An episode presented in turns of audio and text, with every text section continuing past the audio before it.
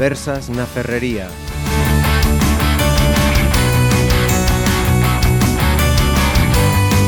Comenzamos estas conversas na ferrería, con un carácter muy internacional y yo creo que es una pelota muy, muy caliente mmm, que puede ir eh, subiendo la temperatura en los próximos días. Estamos hablando del nuevo presidente de los Estados Unidos, eh, de la situación geopolítica que ahora se plantea, la que se puede plantear. Y para ello nos hemos traído a los estudios de Pontevedra Viva Radio a tres voces internacionales. Eh, a mi derecha, Enrique Vaqueiro.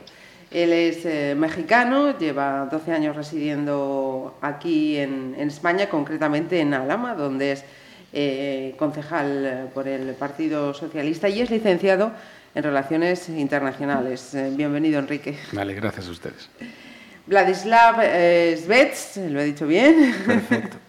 es eh, ruso, lleva 10 años viviendo aquí en, en, España, en Pontevedra, y ahora mismo pues es eh, estudiante. Bienvenido también. Muchas gracias. Y el tercero de los invitados de estas conversas es José Mirza, es vigués, residente en Londres, y es abogado de Derecho Inglés, si no me equivoco. Él nos acompaña por Skype. Bienvenido, José. Muchas gracias. Eh, como no tenemos la posibilidad de, de verte, cuando quieras hacer cualquier eh, puntualización, indicación, eh, comentario, tú entras a saco. Porque si no, no, no, no vemos cuando quieres de decir algo, ¿de acuerdo? a ver si nos peleamos. Eh, primera pregunta que os quería eh, plantear. Mm, cuando se conoció que Trump eh, sería el candidato a la presidencia de los Estados Unidos, no sé si seguíais la campaña electoral, pero ¿imaginabais que llegaría a la situación actual, que llegaría a ser elegido el presidente número 45 de los Estados Unidos? Adelante. Yo sí esperaba que iba a venir a ser el presidente de Estados Unidos por su carisma, porque él encantó al público, lo raptó, ganó sus corazones y aunque había muchas diferencias con otra clase de personas, que él, claro, su política es, es muy conservadora, digámoslo así, que es muy nacionalista y pues esa gente sí que estaba contra él, pero el resto, todo, todo, todos los Estados Unidos, yo creo que estaba apoyándole de, desde el principio hasta el fin. Uh -huh. Y él iba ganando más votos hasta el final y, y Clinton no podía hacer nada contra él. Ajá. Eh, José Enrique, que, quien queráis. Sí, eh, bueno, yo veo cuatro factores eh, fundamentales. Eh, el primero es un voto claramente antisistema, un voto que, un voto que durante mucho tiempo ha estado cautivo en Estados Unidos y que buscaba la necesidad de un cambio. Donald Trump representó ese cambio no solamente un cambio ya de partido político, de un partido más a la izquierda más a la derecha, sino sobre todo un cambio eh, con respecto al sistema. ¿no? Aquel ciudadano eh, de color blanco, eh, clase económica media, que igual perdió su trabajo y que tiene muchos problemas en Estados Unidos y que siente una competencia con respecto a los inmigrantes, pues ese votante le ha dado eh, el, voto a Donald Trump eh, para que llegue y revuelva un poco las cosas todas de, del sistema, ¿no? Pero también hay otros factores como que, bueno, él lleva 30 años siendo un showman, ¿no? El, uh -huh. Donald Trump es muy conocido desde hace 30 años en la televisión, eh, en muchos programas de televisión, por sus polémicas y por sus exabruptos. Entonces, eh, pareciera que lleva 30 años preparándose para, para eso. ¿no? Eh, el, el, tercer factor fundamental es eh, también el Partido Demócrata. ¿no? El Partido Demócrata presentó a Hillary Clinton en unas primarias pues, eh, ganadas legítimamente, pero que, que, todo el mundo sabía que era eh, la candidata más débil con respecto de Trump eh, que igual si Bernie Sanders hubiera ganado las, las, primarias, pues hubiéramos estado en otra situación y hubiera competido. Uh -huh. Y por último, que el propio sistema americano, que tanto criticó Trump, le favoreció. ¿Por qué razón? Porque, bueno, como sabéis, eh, el sistema de elección americano es en función de los compromisarios. Entonces, tú si ganas en un estado, eh, por un voto de diferencia, te llevas todos los compromisarios de ese estado. Eso uh -huh. pasó que, ya una vez con, con Bush y con Al Gore. Uh -huh y ahora resulta que nos encontramos con que Donald Trump es presidente de los Estados Unidos porque tuvo más compromisarios, aunque Hillary Clinton tuvo eh, cuatro millones de votos más. José, ¿y tú lo veías como presidente o te sorprendió? Um, yo también estoy, estoy completamente de acuerdo con Enrique y Vlad. Um, y es interesante lo que acaba de decir Enrique. Uh, sí, Enrique, porque, bueno, de dos maneras. Uh, el primero, porque Trump es muy, lo veo muy similar a Reagan. Los dos no, nunca fueron uh, políticos profesionales. Reagan también tenía mucha, mucha posibilidad de practicar su manera de hablar a gente sobre temas políticas. Uh, él durante los años 60 y 70, cuando uh, estaba enfrente de audiencias para su, uh, sus programas de televisión. um, él practicó mucho hablar con ellos sobre lo político por, uh, antes que empezaron a grabar todo y, y eso es la manera que, que, empezó a practicar su sentido political. Uh -huh. Y yo veo que Trump debería de tener un, un, una manera de hacer eso también, porque con una audiencia gigante que ha tenido uh, por el pasado 10 años, he podido practicar ese sentido también. Y también uh, que, que, Trump lo, es la verdad que, que no ganó el, voto popular, que fue algo como 3 o 4 mi, millones, como acaba de decir Enrique. Uh -huh. Pero lo que encuentro muy interesante es que no fue esos 3 o 4 millones de votos no fue lo importante. Fue, fue creo que fue 100 107 mil o algo así en tres uh, estados, uh -huh. Pensilvania, Pensilvania Michigan, Michigan, y creo que fue Wisconsin, que ahí ganó por casi nada. En uno creo que ganó por 10 mil votos. Y si esos votos ha ido a, a, a Hillary, a Clinton, um, ella podría ganar. Así la una cosa, única parte que no, no estoy de acuerdo que, que fue muy... Um, obvio que iba a ganar porque si miras a los números está, está muy cerca, está muy cerca eso. Eh, si os parece también quería eh, preguntaros por eh, las opiniones que recabáis de, vuestros eh, lugares, bueno, el caso de, José donde reside, en el de Vlad y, Enrique de, de, los lugares eh, de origen. Eh, eh, ayer mismo no estábamos viendo, eh, José, por televisión esas protestas que está habiendo en muchos lugares de, del Reino Unido contra estas medidas que está tomando Trump. ¿Cómo es la, reacción? ¿Cómo se está viviendo estos primeros días de, mandato de Trump en el Reino Unido? Yo, yo, vivo en Londres y creo que Londres es una ciudad, es un, la ciudad gigante de Inglaterra y así tiene una, un sentido bastante diferente al resto de, del país. Uh -huh. Creo que hay, hay una, una población bastante grande, como 30, 30% puede ser un poco más, que está de acuerdo con Trump. Um, ya sabéis que, que Nigel Farage, el uh, político uh -huh. um, famoso de Brexit um, aquí en Inglaterra, es un amigo muy bueno de Trump uh -huh. y, y, él ganó el voto Brexit. Uh, con un, bueno, fue por 52% del país, pero -huh. eh, eh, aún, aún creo que hay, hay, hay muchos aquí que, que, que, le gustan el, político de Trump. Uh -huh. En Londres fue la ciudad que, que lo más gente no, no, votaron para, para Brexit.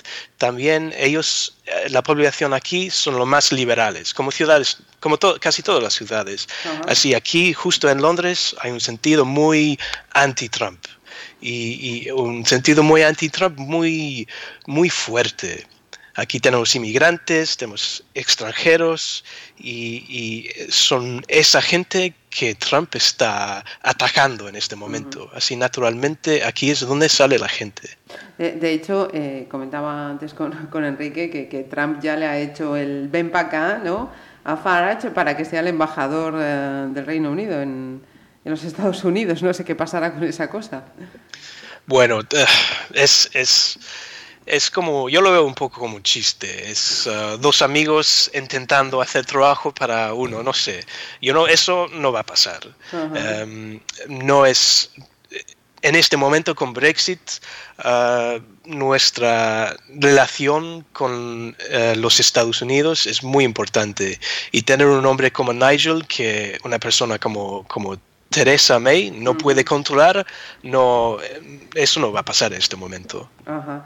Eh, Vladislav, también parece que hay muy buenas relaciones entre Putin y, y, Trump. ¿Vosotros cómo lo veis y qué percepción os llega desde, desde De- Rusia? Desde Rusia no hay ninguna negatividad hacia el presidente Trump. Siempre hemos aceptado todos los presidentes que se han elegido en Estados Unidos, por lo menos dando la cara. Pero mm, dicen que incluso había ataques de hackers eh, en, el- en las votaciones para subir los votos del Trump. no, se, no se sabe si es cierto o no. Eh, pero realmente la relación entre Rusia es bastante neutra. Yo creo que no hay ni pros ni, ni contras. Aceptamos la política del Trump y, y nada, estamos ansiosos de saber lo que va a ser el siguiente paso, porque sabemos que hay mucha tensión en el Medio Oriente y, y nada, es, va a ser muy interesante los próximos años. Enrique, eh, calentito lo de México. Sí, yo creo que es el, el país más perjudicado ¿no? de todo esto, ¿no? Y sobre todo porque el- ya no solamente por el, por el discurso eh, xenófobo, racista que ha tenido Donald Trump durante toda la campaña con respecto a la población mexicana, que es el 10% de la población en Estados Unidos, sino porque bueno, pues ha entrado a matar, ¿no? Eh, comentábamos antes de empezar la transmisión de que yo tenía la percepción de que el Consejo de Asesores que tiene, pues le está diciendo, pues mira, vamos a tomar una serie de medidas eh, de golpe para después tener un mandato mucho más tranquilo. Ojalá así sea, ¿no? Lo que sí es una realidad. Ayer, eh, preparando un poco el debate y, para ver cómo estaba la situación, me descargué el Executive Order, Border Security and Immigration Enforcement Improvement. Lo digo en inglés porque antes teníamos en la página de la Casa Blanca la misma información también en castellano, pero ya saben que eh, fue una de las primeras eh, medidas que tomo, ¿no? Exactamente. Entonces, estas órdenes ejecutivas no tienen ningún valor legal, sino simple y sencillamente pues, son decisiones que toma el presidente y entonces pues, le dice a una serie de órganos del gobierno lo que tiene que hacer. ¿no? Bueno, mire, tengo esta idea y entonces pues llamo al fiscal general a que haga esto, llamo al, al Congreso que haga esto otro. Y entonces esto es una eh, restricción muy importante al movimiento migratorio que hay de México hacia Estados Unidos. No solamente de mexicanos, sino de cientos de latinoamericanos que cruzan a través de la frontera y que cada día son menos. Fíjese, estaba leyendo un- algún dato de que cada día hay menos inmigración al revés, ¿no? porque el norte de México se ha desarrollado muchísimo con el Tratado de Libre Comercio y ahora hay un flujo migratorio eh, bilateral.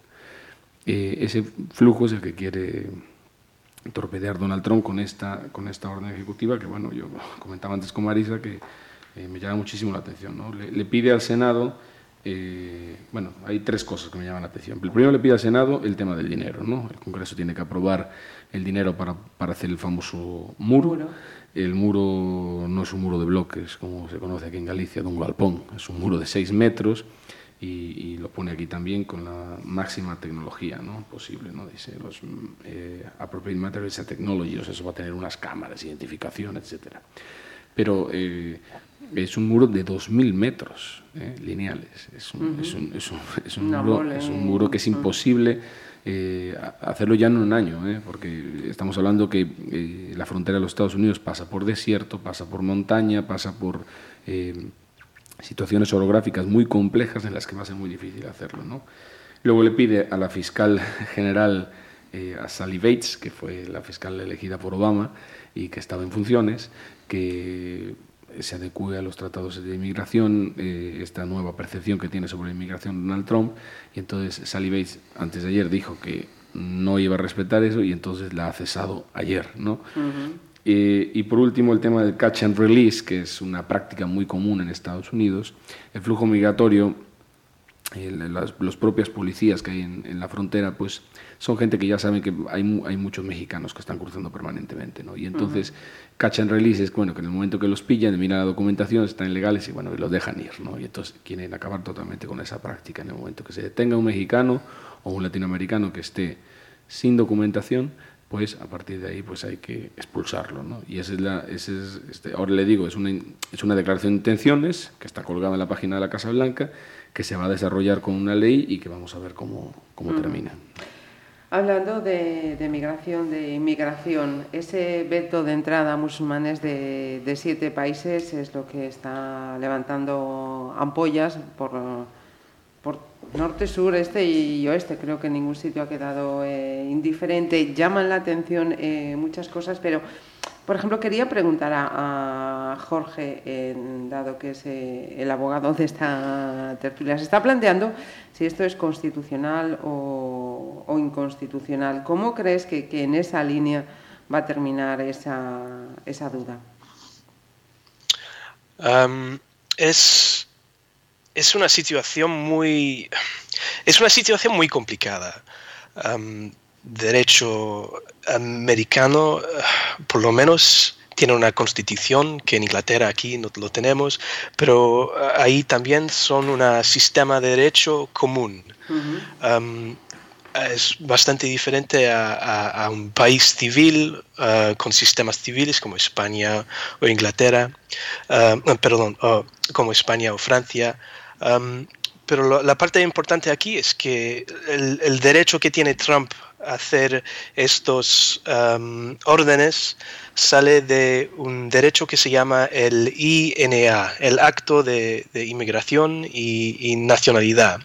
Y eso da, le da el poder de controlar, contro, control, sí, perdón, controlar, sí, nada, no controlar um, los extranjeros que entran en el, en el país por, um, ¿cómo lo puedo decir? Por uh, razones de seguridad. Uh -huh. la, la, la, la, parte importante es que no le da el poder de parar gente que ya pueden entrar al país, uh -huh. como gente con tarjetas uh, verdes, o -huh. puede ser que gente que ya tienen visas para entrar y ya están en el, ya están en el país. Y es esto que, que, que muchos abogados están discutiendo en este momento, si él puede hacer esto o no. Y yo pienso, yo creo que no. Él puede parar que algunos gentes entran y, y también uh, puede parar um, soportando a los programas para, para salvar los refugees, uh -huh. pero, pero eh, como lo está haciendo ahora, hay, hay, muchas, hay muchos problemas. Uh -huh. Y también creo que hay el problema practical, porque ya se ve que Trump no es un político uh, profesional, que, que hizo todo el orden lo hizo sin anunciar nada a la gente que están trabajando en los aeropuertos, gente que están trabajando en uh, los consulados americanos en otros países.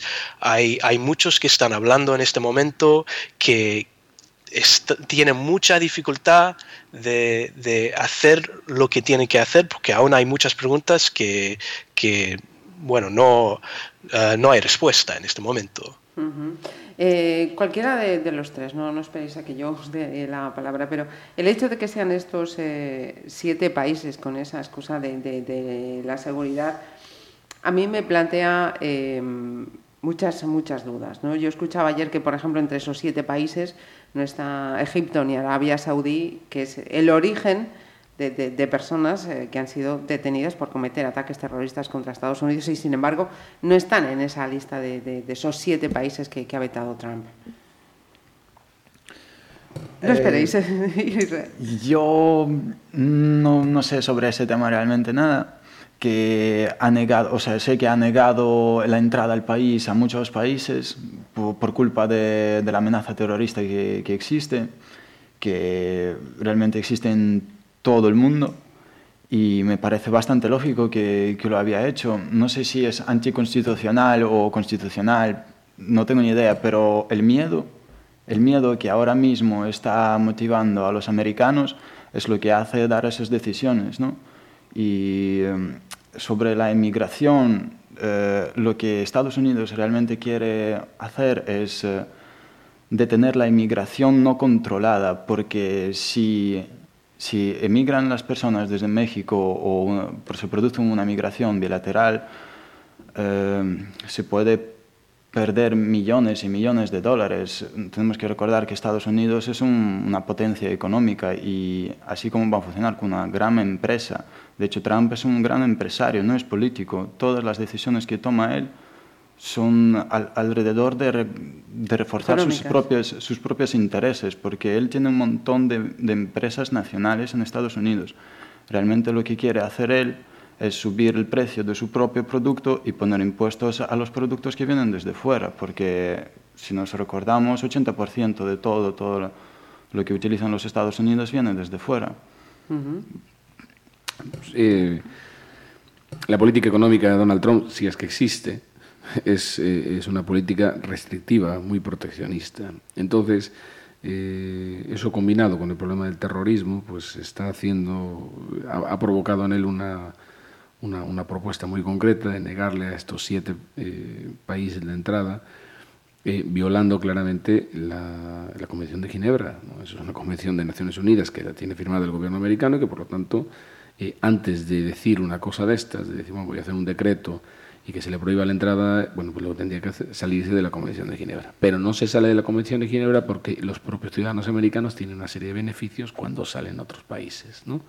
Entonces, la decisión, además de injusta, eh, y luego ya veremos lo que dice Jorge, ¿no? por lo que he explicado, si es legal o no es legal, eh, lo que evidencia es que está pensando solamente en los intereses propios, no, no, no extranjeros. Es normal que Arabia Saudita eh, no le pase esto porque la Casa Real de Al-Assad, que es una...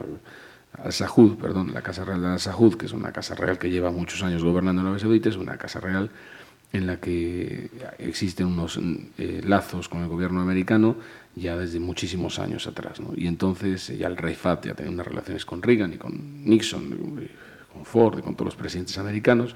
Y la explotación, por ejemplo, de los pozos petroleros pues es a través de empresas americanas y los propios... Eh, eh, los propios, eh, las bases militares más importantes que tiene el Oriente Medio el gobierno americano, pues las tiene en Arabia Saudí. Entonces, claro, eh, se, lo, se, lo, hace a siete países débiles, en los que sabe que aunque los siete países tomaran una decisión recíproca, pues bueno, no le iba a afectar tanto los intereses americanos.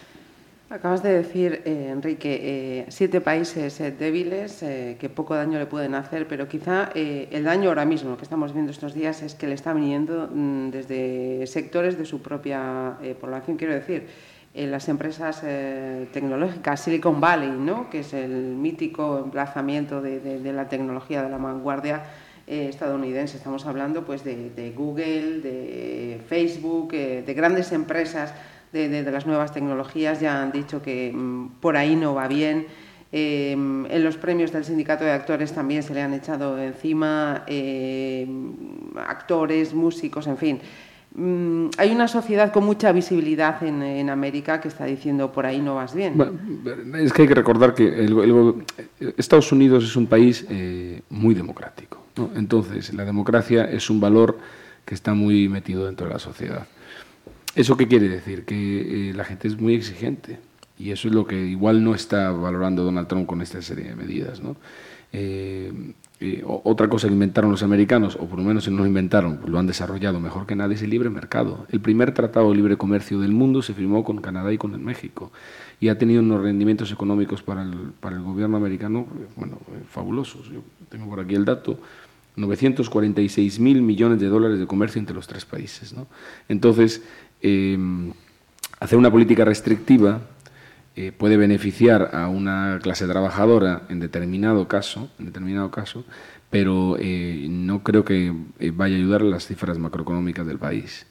porque, por ejemplo, salirse del Tratado de Libre Comercio que se estaba negociando con el sureste asiático es entregar el mercado a los chinos. Ese mercado completo va, va a quedar en manos de los chinos. O sea que si el gobierno americano quiere ir a Japón, a Singapur, a Filipinas, a presentar eh, sus productos, se le va a cobrar un arancel. Y los chinos no, porque los chinos están dentro de ese acuerdo eh, de libre comercio. Entonces yo creo que eh, eso, esa, esa valoración de, de, la realidad económica de este hombre y de las decisiones estas proteccionistas que está tomando se va a ver en unos años. Y sobre el tema del movimiento civil, pues ya sabemos cómo ha sido. El movimiento civil americano cuando se moviliza, pues sacaron a los soldados de Vietnam y consiguieron muchos derechos eh, desde aquella señora que, que, estaba en el autobús y que se sentó hasta adelante, ¿no? Eh, con, con, respecto de la gente de, de, color, negra. Y entonces, a partir de ahí, han este, el, movimiento, el movimiento cívico americano es muy potente y entonces eso vamos a ver cómo se va, cómo se va manejando y qué, y qué perspectiva va tomando los próximos meses. Eh, José. Um, bueno, voy a, tenemos varios temas aquí. Primero sí. con, con, Saudi Arabia um, y, y, lo que lo que está, que es el plan de, del presidente um, para la economía um, americana. Uh, yo no pienso que es tan fácil saber lo, lo que quiere, lo, lo, que, ¿cómo lo puedo decir?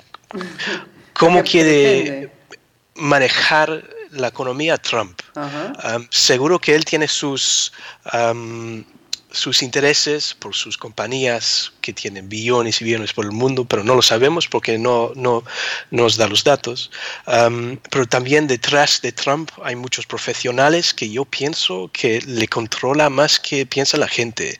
Lo más importante es Bannon, el, uh, el, dueño o el jefe de, de, Breitbart, eh, la, la, agencia de noticias uh, de derecha. Um, y, y, yo pienso que la filosofía de, de Van le va, uh, va a, es un impulso más importante en este momento que, que sus negocios. Uh -huh. Y eso es porque Saudi Arabia no está, en, no es uno de esos países que en, en, la lista de, en esa lista de países, porque uh -huh. es por el dinero. Hay millones de, de, de, saudis en el país, estudiantes además que están pagando y, y, y, hay un movimiento de capital muy grande desde Saudi Arabia al país. Uh -huh. um, segundo, um, esto, esta lista y este orden um, uh, es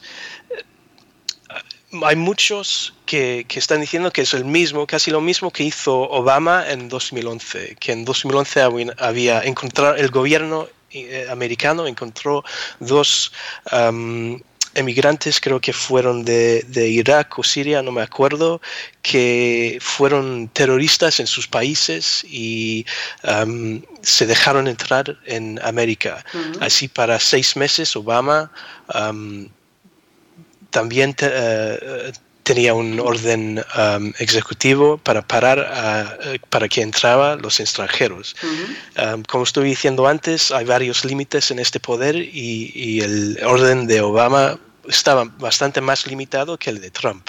Pero hay alguna razón que estos países, um, esta lista de países, primero salió del gobierno de, de, de Obama. Uh -huh. Y tercero, yo no estoy completamente de acuerdo que, que el poder civil, que el sentido de democracia en América es tan fuerte. Yo pienso que el movimiento de dinero, por lo menos en América, es, es, es bastante más importante. Si ves cómo funciona el gobierno ahí, refleja más los intereses de, de, de negocio uh -huh. uh, que, que el, el, poder y los um, uh, derechos civiles. -huh. los negocios están bastante menos controlados ahí que en otros países. -huh. Lo, se ve en muchas industrias allá. Eh, Sí quería eh, preguntaros, porque bueno, podemos estar aquí horas y horas hablando de, lo que puede pasar, de lo que pensamos que debería uh, pasar. Eh, sí quería preguntaros, ¿entendéis que mmm, hay una, un, hecho que mm, puede ser mmm, evidente en, en, un plazo de tiempo medio largo, pero que con la llegada de Trump al gobierno de los Estados Unidos sí que va a haber un nuevo mapa eh, de estrategias geopolíticas, es decir, que la geopolítica con la llegada de Trump eh, va a ser un antes y, y un después. Enrique. Sí, pro probablemente, probablemente eh, es así, ¿no? Y ya lo está cambiando.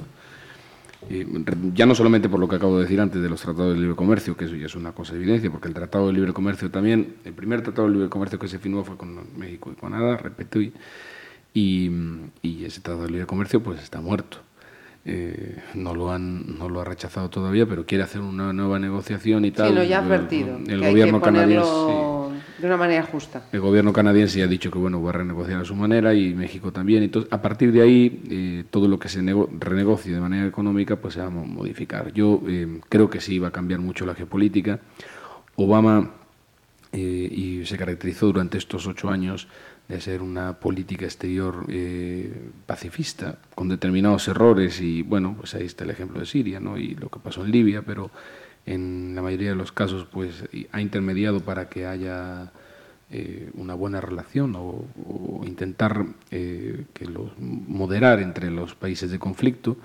El acuerdo nuclear eh, con Irán fue muy importante. Eh, el gobierno iraní, como bien sabéis, pues está permanentemente amenazando con el tema de desarrollar armamento eh, nuclear y tal. Y bueno, renunció a ese proyecto gracias a una intermediación del gobierno americano, que ahora el propio primer ministro de Israel, Benjamín Netanyahu, pues ya ha sido lo primero que ha dicho, ¿no? Le dijo, mira, hay que fijarse bien Irán, que Irán quiere destruir Israel y tal. mira, macho, están creando un problema donde no lo hay. Están creando un problema donde no lo hay. Porque es verdad que las relaciones diplomáticas pues no existen y no es una buena relación entre los dos países, pero bueno, eh, fue un éxito muy importante del gobierno americano que aquello se acabara. Y lo mismo pasó en Cuba, ¿no? 50 años de bloqueo, una ley de ajuste tremendamente restrictiva para eh, para el gobierno cubano, ¿no? que yo, por experiencia propia y las relaciones que tenía yo con la embajada, con la gente, pues me daba cuenta ¿no? desde México y aquí, que no podían ni siquiera a veces cargar gasolina en algunos países. ¿no? Los miembros del cuerpo diplomático cubano, que estaban en determinadas delegaciones, tienen que ser en determinadas gasolineras porque había gasolineras privadas con intereses americanos que no le vendían gasolina por, por el bloqueo. ¿no? Entonces, imagínense los millones de euros de pérdida que tenía el gobierno cubano a través de eso. Y en un modelo que según los 10 presidentes que lo aplicaron iba a cambiar la situación política de Cuba y nunca la cambió. Entonces yo creo que va a cambiar, va a haber una geopolítica nueva y sobre todo también con, con México y América Latina. ¿no? América Latina eh, eh, es, eh, es, una potencia muy importante eh, no solamente a nivel cultural y económico y, sobre todo como mercado para el gobierno americano y entonces pues todas esas decisiones eh, de Obama de tener una relación eh, mucho más estable después de aquellos periodos de Ronald Reagan de permanentes intervenciones Ronald Reagan y Kennedy y muchos presidentes americanos que intervinieron militarmente y apoyaron a través del servicio secreto pues en, distintos países de América Latina, pues estaba aquello pues muy bien, ¿no? Había una muy buena negociación, había unos acuerdos comerciales muy completos eh, que beneficiaban a todos y que ahora evidentemente van a cambiar. Lat, ¿cómo lo ves? Eh, es evidente que va a hacer un, un, cambio geopolítico respecto a tanto como Unión Europea como, como a Oriente porque China ahora mismo tiene muchas tensiones con Estados Unidos también respecto a Tailandia, si no me equivoco. Taiwán. Eh, Taiwán. Eh, ahora mismo, pues Oriente Próximo, como sigue siendo Irán, Irak y todos esos países, pues yo creo que no están muy enfocados en el tema del cambio de presidente de, de Estados Unidos, porque están sufriendo ahora por otra plaga y Unión Europea yo creo que va a distanciarse bastante de Estados Unidos porque Europa pues, fue caracterizada por su ética y moral, moralidad y Trump es un personaje pues, digamos bastante vulgar, bastante callejero y no tanto como en, económicamente hablando como de carácter psicológico. Yo creo que Europa ahora mismo no está muy identificada con Estados Unidos y por eso va a haber un, una distanciación bastante, bastante grande entre estos dos bloques. Uh -huh. Nada más. Rusia, yo ya te digo, Rusia, yo creo que estamos bastante encantados con el Trump porque ya viste, el Putin, un tío duro, en Rusia todo el mundo le encantan tíos duros y el Trump es un, un personaje pues así, uno más y y nada, incluso igual lo hacen un cómic sobre él y todo. A mí, sinceramente, Putin y Trump juntos me dan mucho miedito. ¿eh?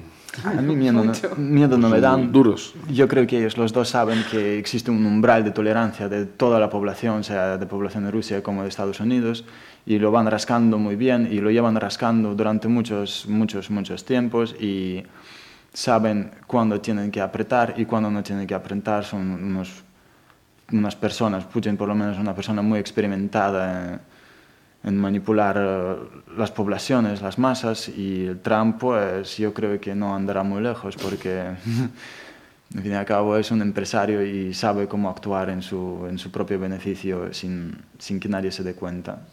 Sí, mm, hay solo un detalle y que es evidente, antes de que hable Jorge, ¿no? Eh, el, Obama tenía una muy mala relación con Putin, era evidente, ya todo el mundo lo sabía, y entonces eh, los rusos ahora, pues claro que están encantados, ¿no? van a tener una relación mucho más estrecha. Lo, importante de todo esto va a ser que las relaciones americanas con Rusia no comprometan los acuerdos y las relaciones de, socio estratégico que siempre tuvieron con la Unión Europea. Esa es la clave, ¿no? porque hay un, hay que hay un acuerdo transatlántico militar Porque si no va a haber un cambio muy, muy fuerte. La OTAN, es, la OTAN ya es lo básico. El tratado militar más importante transatlántico, pues no, no está Rusia, ¿no? Están firmados entre países de la Unión Europea y, y Pero claro, Estados Unidos ya no quiere OTAN. Estados Unidos antes tenía su general máximo como general de OTAN, pero ahora ya no está él. Ahora está buscando algo más. Claro, ahora ya a Estados Unidos no les interesa porque ya no está al mando. José, eh, tú también eh, te sumas a esto de que estamos delante de un gran cambio geopolítico. Sí, yo, yo estoy de acuerdo con lo que ha dicho Enrique y Vlad. Pero es, es, algo también que es obvio, ¿no? Que cambia el presidente de Estados Unidos y a un partido diferente además y vamos a tener un cambio geopolítico en el mundo. También tenemos elecciones en, bueno, acabamos de tener elecciones en España, vamos a tener elecciones en Italia, en Francia, en Alemania. Acabamos de cambiar el, primer ministro de, de Inglaterra. Estamos pendientes del Brexit. Sí, después de Brexit además. Es un tiempo de, cambio en que vimos ahora. pero también yo, yo también estoy... Trump y, Putin juntos a mí también me y, también con Nigel Farage que a mí no me gusta nada me da bastante bueno, es, es, es, también puede ser un mundo peligroso. Um, pero lo que dijo, creo que fue Vlad, ¿no? que, que Trump y, Putin saben que hay una línea que no pueden cruzar, sino ya todo se puede, um, todo que han hecho se puede destrozar. Uh, yo no creo que van a querer cruzar esa línea tan rápidamente. Van a querer seguir varias um, planes eh, personales y también planes internacionales, como, bueno, personalmente el, el, secretario del Estado de, del Estados Unidos para el gobierno de, de Trump, no me acuerdo cómo se llama, creo que se llama uh, Tillerson, es el, el, jefe de Exxon, el, el, la compañía de petróleo americano. Y después del ataque de, de Obama en Rusia, que yo pienso que esto fue, fue algo muy, muy fuerte y muy inteligente de Obama, que fue capaz de poner Putin en una situación que, que no tenía tanto poder geopolítico. por las, esas restricciones, Exxon no fue, no fue uh, capaz de crear un negocio um, que son, no, sé cómo se llama, cómo se dice en español, pero dice los pipelines, um, un pipeline sur, por todo Rusia a, Europa. Y eso podría hacer muchísimo dinero para, para Exxon. Eh, y además, um, político, geopolítico, la relación que Obama estaba creando con China y con eh, los países asiáticos, con uh, bueno, uno de los um, uh, el, TPP, el uno de los tratos más importantes de, de, Obama, um, Trump lo ha destrozado. Uh, está sacrificado por uh, mantener su um, relación con um, otros países como Rusia, que en este momento también tiene varias tiene competición con, con, el asiático por petróleo también. Efectivamente, en noviembre ya había dicho que, su intención era retirar esa asociación transpacífica y hacer eh, acuerdos bilaterales justos, es lo que decía. Igual, igual acaban peleados.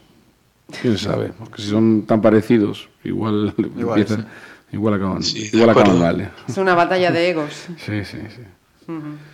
Pues eh, chicos, que mm, esto da... Sí. Bueno, yo, yo quería dar un, último, una última reflexión, ¿no, Marisa? Ya, ya para, si quieres, para finalizar. Miren, con respecto de mi país y con respecto de México, yo soy... Yo he estado en esa frontera, yo he cruzado esa frontera, yo he cruzado ese muro porque ya existe un muro ¿no? entre las ciudades de, entre las ciudades frontera, entre San, entre San Diego y, y Tijuana, entre Ciudad Juárez y El Paso, entre Tucson y, Nogales, o entre Laredo y Nuevo Laredo, entre las ciudades que hacen frontera, pues ya existe un muro, y yo he cruzado ese muro, lo cruzamos en el 2004, yo iba con mi doble nacionalidad, con pasaporte español, y me dejaron entrar muy bien, a los que venían conmigo les costó un poco más. ¿no? Eh, yo lo que quiero decir es que tengo algunos datos eh, de algunos condados, que son como ayuntamientos, de 10.000, 12.000, 15.000 personas, en la frontera de Estados Unidos, en la que, por ejemplo, en San Elizario, en Texas, eh, el 99% son mexicanos. En San Luis, Arizona, el 98,7%. En East Los Ángeles, California, el 97,01%. En Calexico, California, el 96,72%. En Sunland Park, Nuevo México, 96,44%. Hay muchísimas, muchísimas ciudades eh, que no son muy grandes, en las que ya la gran mayoría, como pueden ver, más del 90% de la población son mexicanos.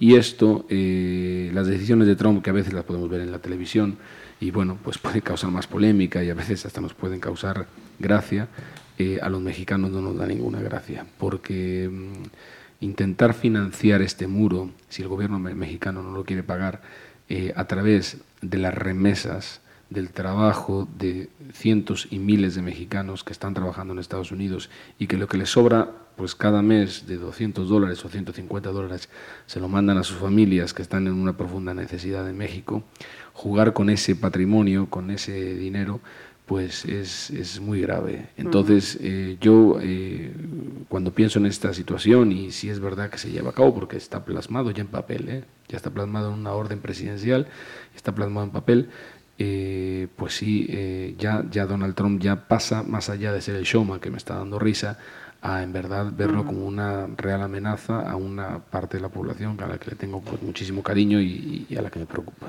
Confiemos más o menos en ese sentido que Carlos Slim, que es un mexicano en el que sí confía, en el que al que sí alaba, pues eh, sea un poco ese intermediario, ¿no? que ponga cordura en, en, esos planes. Pues yo, fíjate lo que te voy a decir, no creo que van a llevarse a cabo a construir ningún muro, porque llevan planeándolo hacer, pues yo creo que varios años incluso en otros países, entre, entre el follón que hubo en Ucrania con Rusia, también querían construir un muro, Lituania también quería construir un, muro y en ninguno de los casos... No, pero ahora fue... ha, pedido ya el dinero al, al gobierno para pagarlo, ¿eh? pero ya, lo planeado. Tú sabes que el dinero puede ser transferido, pero no destinado a ese fin. Mm. Puede haber mucha corrupción, en Estados Unidos también existe corrupción y en otro caso yo creo que fue más como un anzuelo para los ignorantes para que lo voten, ¿sabes? No, hay muchísima población que es nacionalista en Estados Unidos y yo creo que fue un, factor más para engancharles, pero no creo que realmente se lleve a cabo, porque si se lleva a cabo van a estar rozando el umbral de tolerancia de la población que yo estaba hablando antes. Por eso, además, es una gran desventaja, porque si esas poblaciones son 90% mexicanas, va a haber despoblación en esos sitios. Eso no, no les conviene nada bien. Pues interesantes, me parece a mí más que interesantes reflexiones las que hemos dejado hoy aquí en estas conversas en la ferrería. Eh, José Mirza, muchísimas gracias por acompañarnos. Gracias a ti. Eh, Vladislav Svets, también muchísimas eh, gracias por, por, acompañar. Casi lo hemos secuestrado de, de, de, las clases para que nos acompañase aquí hoy en estos Pero mereció la pena, mereció la pena, me gusta mucho.